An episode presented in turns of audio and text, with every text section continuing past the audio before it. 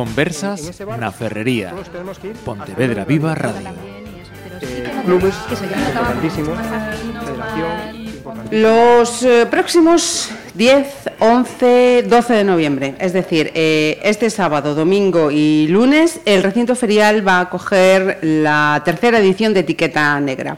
Esta feria gastronómica es iniciativa del Concello de Pontevedra y voy presentando ya a los invitados de estas conversas que dedicamos a etiqueta negra. Decía, eh, promovido polo Concello de Pontevedra e concretamente pola Concellería de Promoción Económica, a súa titular Anabel Gulías. Benvida, de novo. Grazas, moitas grazas, Marisa, bo día. Días de moito chollo, non? Estes, imagino. Sí, a verdade é que sí, está sendo un, un final de ano complexo, como todos e como sempre, pero bueno, tamén eh, estaba dende fai tempo agardando que por fin viñera xa a terceira edición da Etiqueta Negra, polo tanto, aínda que moi cansa, e máis con estas condicións climatolóxicas. Sí, non axudan moito. Non axudan moito a levantar o ánimo, pero con moitas moitas ganas de, uh -huh. de que chegue de que chegue o día xa para para abrir etiqueta. Eh, que tamén está estes días eh, a full e Vanessa López Chousa. Benvida tamén. Hola, bo día. Ela eh, eh, parte da, da organización deste, deste evento, Etiqueta Negra. Eh, da parte dos eh, participantes, eh, temos eh, con nós a Óscar Torres, que es responsable de comunicación de Orballo, una de las empresas presentes aquí en Etiqueta. Benvido. Hola, bo día. Eh, vai ser a vosa primeira ocasión ou xa estiveras en No, nos primeira... estivemos o ano pasado, este uh -huh. ano repetimos. Ajá. Eh, ou sea, que eso ven eh, tamén a dar xa unha pista, ¿no? Sí, Satisfeitos da anterior sí, eh, participación. e... Eh... É unha das nosas preferidas, de feito. Ajá, ben, comenzamos ben.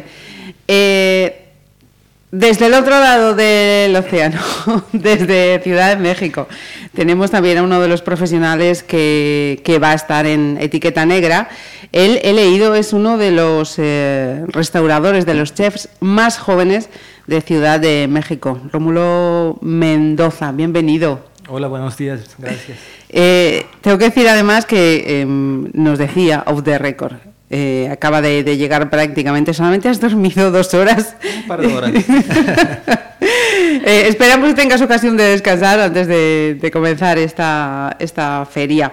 Eh, con permiso de- del resto de los asistentes, Anabel, primera cuestión, con qué objetivos xurdiu etiqueta negra se pensou xa para aquela primeira ocasión eh, que tivera continuidade no tempo, que non só fora unha feira e punto e fin.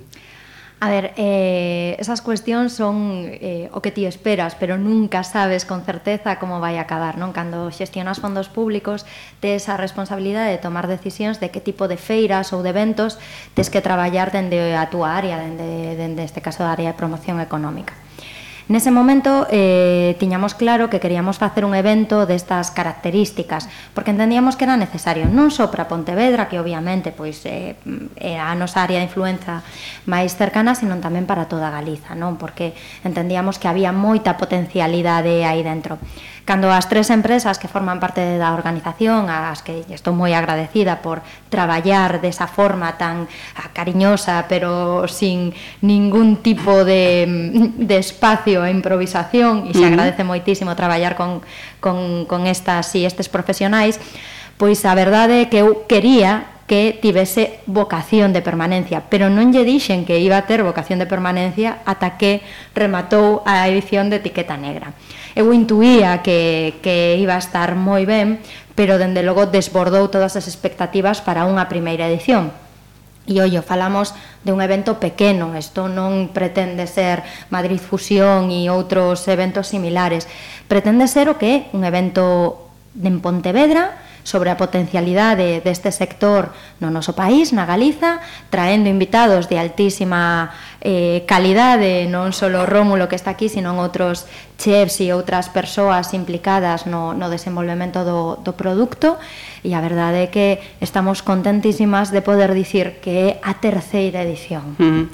Eh, Vanessa sabe ben do que acabo de, de falar Anabel. Mira, eh, durante canto tempo estáis a traballar eh, para ter todo listo neste, neste caso para o sábado?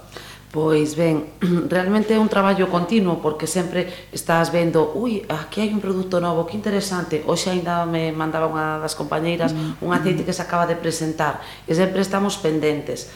Eh, pero realmente o traballo que empeza cos produtores a poñernos en contacto é en abril.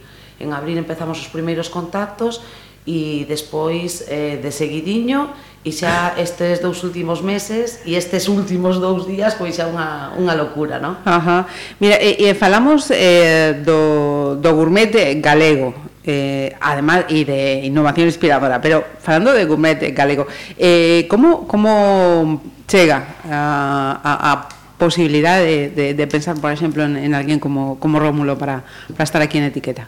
Pois precisamente eh, creemos que os produtos que temos aquí teñen unha calidade enorme, pero moitas veces non son coñecidos en todos os mercados ou están moi localizados porque hai problemas pois de distribución, porque son pequenos produtores en moitos casos, e creemos que precisamente ter aquí a cociñeiros pois do, da talla de Rómulo ou mm, de Iñaki Bretal, de Pepe Solla, de Lucía Freitas, eh, de Kitty Fresnedo, bueno, non me quero estender, no? pero que temos moitos e moi bons cociñeiros e cociñeiras, pois é eh, dar valor a eses produtos, eh, porque eles nos amosan é un xeito de cociñalos que nós non vamos a poder copiar, pero si sí a inspirarnos e logo poder facer pois recetas e atrevernos a probar cousas novas, uh -huh. porque ao final etiqueta negra é, é para probar, pero tamén é para inspirarse e para atreverse a, pois eso, aos caracois que aquí non estamos acostumados e que están na feira. E que ricos son. Eh, a, bueno, a produtos diferentes e novos que creo que van a sorprender a moitos. Mm. Eh, gourmet galego e innovación inspiradora. Eh, esto é, eh, vai estar o mellor do mellor eh, e mostramos eh, por onde va o que ten que vir. Sí, vamos a ver, vai estar o mellor do mellor, pero tamén hai eh, moitos que non están, pero que estarán, porque estamos recibindo, de feito, a estas alturas, solicitudes para poder estar, non? Eh, sí que é verdade que este ano temos eh, moitas startups novas que traen cousas pois tan sorprendentes como unhas briquetas que son totalmente naturais que as botas nas barbacoas e xa aliñan, digamos, eh, pois o pescado que fagamos na, na, na grella, non?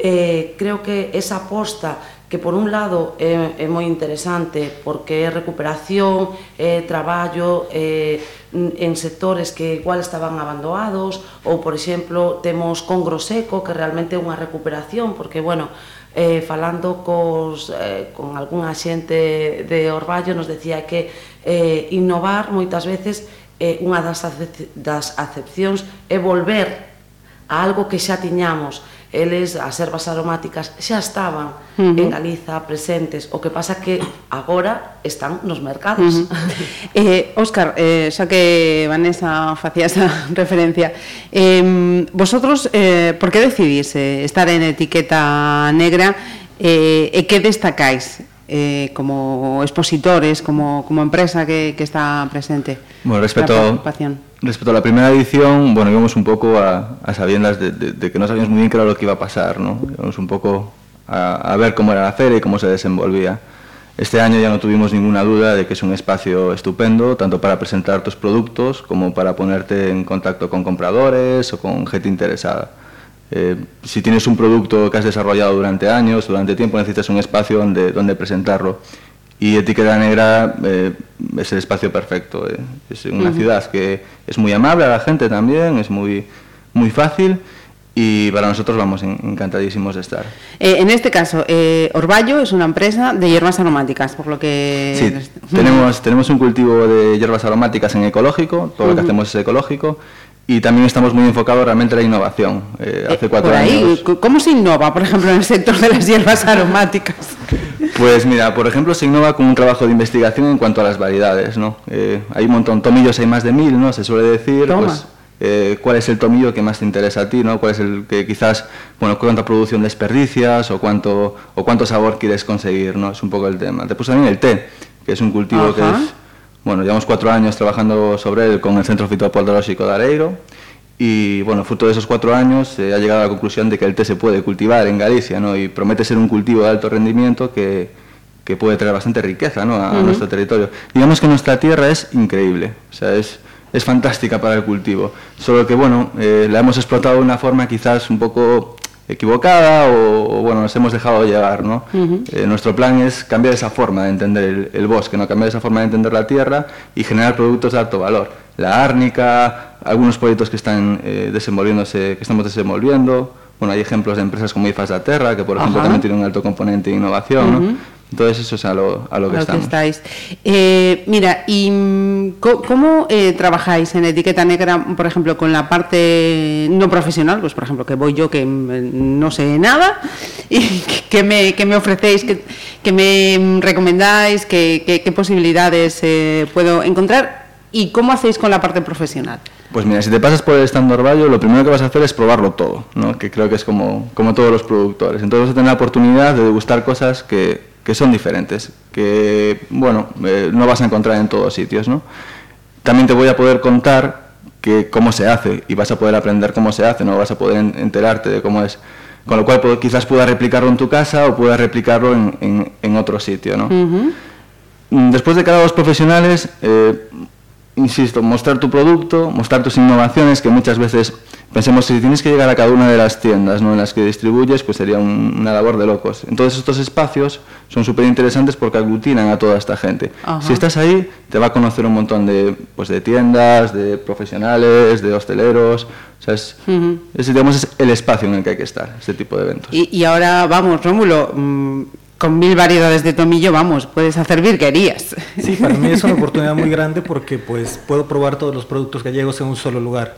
Imagínate si viniera a buscar algún producto en específico y tengo que andar de tienda en tienda, ya se nos ha hecho algo complicado. Anteriormente que he tenido la oportunidad de venir a cocinar, pero pues esta vez estoy muy emocionado porque van a estar todos los productos y sé que son productos de excelente calidad y feliz porque pues voy a tener la oportunidad de probarlos y trabajar con ellos. Mira, y un chef eh, mexicano, eh, ¿cómo ve ahora mismo eh, ese producto gourmet galego? ¿Cómo estamos? Pues, ¿Cómo lo ves? La oportunidad que he tenido de probar es muy poco, pero sinceramente creo que es de la mejor calidad a nivel mundial.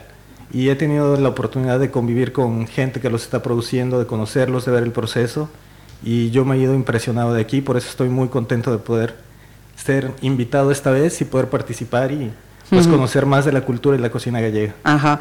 Tengo que, decir em, que uno de los cursos que, va a impartir eh, Rómulo ya eh, ha agotado las plazas posibles, mm, con lo cual es más que buen síntoma, ¿no? Que tengas ya esa expectación de ya no cabe más, ya está todo a tope. Pues como que es la parte exótica de, la feria, entonces yo creo que llama la atención. Eh, también voy a tener la oportunidad de cocinar este chile en nogada, que he recibido el premio en México como el mejor chile en nogada durante los últimos cinco años. Explícanos, por favor, qué es eso. El chile en nogada es un chile que es el platillo tradicional mexicano. Todos creían que es el mole, pero no. Para nosotros el platillo que más nos orgullece es el chile en nogada. Y es un chile que se prepara solo para el Día de la Independencia, se sirve en el mes de septiembre, porque los ingredientes solo los, encuentras en esa temporada.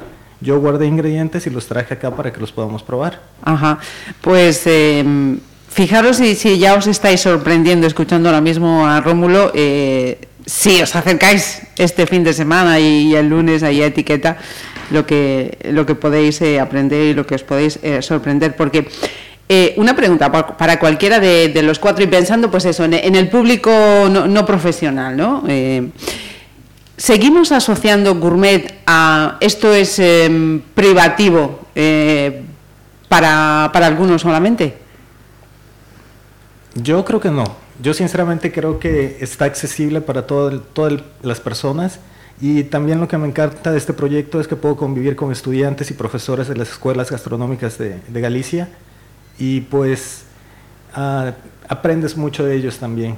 Entonces yo creo que todos, cualquier tipo de público es bienvenido y, y, pues yo no creo que sería para algún sector en específico. Ajá.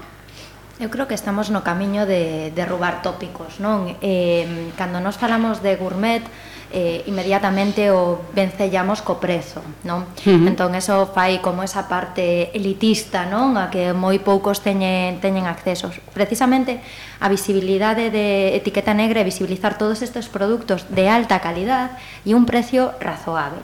Porque está claro que cando estamos falando de sistemas de producción eh, concretos, non de explotar os nosos recursos, como dicía Óscar, dunha forma razonable, sustentable, de explotar a riqueza de Galiza, que é moita, pois o prezo ten que acompañar ese proceso. Iso quere dicir que o prezo ten que ser privativo ou solo por uns poucos, non. Eso ten que, que ser que o prezo sexa xusto. Uh -huh. E é moi importante neste aspecto, eu creo, o traballo de etiqueta en educar o consumidor final e as consumidoras finais en dicir cando ti pagas por este produto non solamente pagas, no caso do orballo, pois por unha menta que é similar a que ti te vas a topar, non, estás apostando por un modelo de explotación diferente e alternativo uh -huh. e traballar neste ámbito, non? E fíxate que temos un espazo de negocio moi potente e, e demais, o que se refería a Óscar, pero para min é, é o principal e a vocación principal de, de etiqueta negra. Ajá.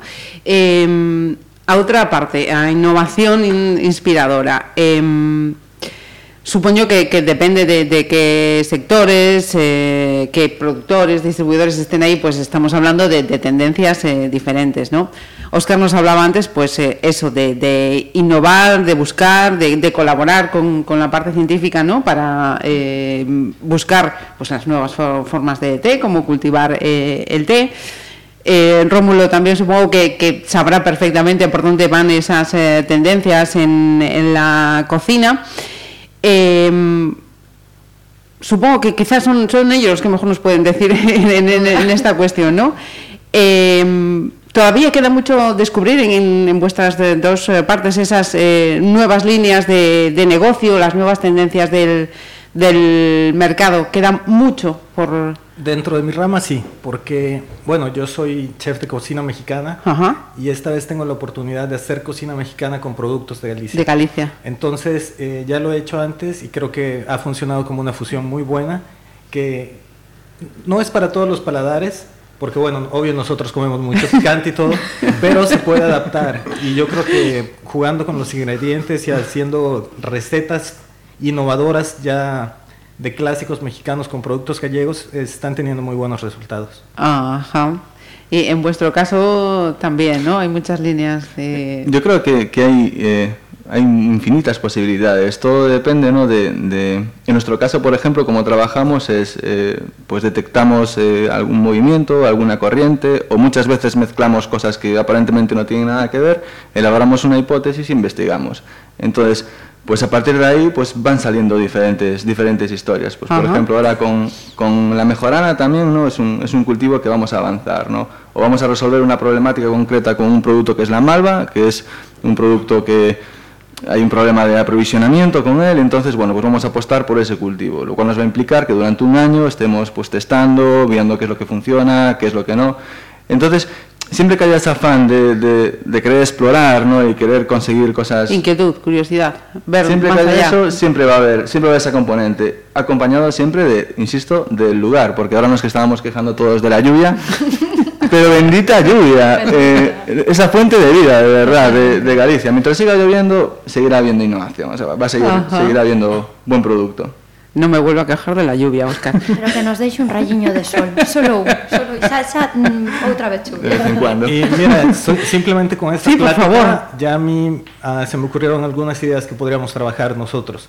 Porque Qué grande, sí señor. Yo ahorita estoy haciendo unas sales para escarchar para el mezcal. Eh, estoy haciendo sal de flor de Jamaica, sal de quilaguacate, que es la hoja del aguacate.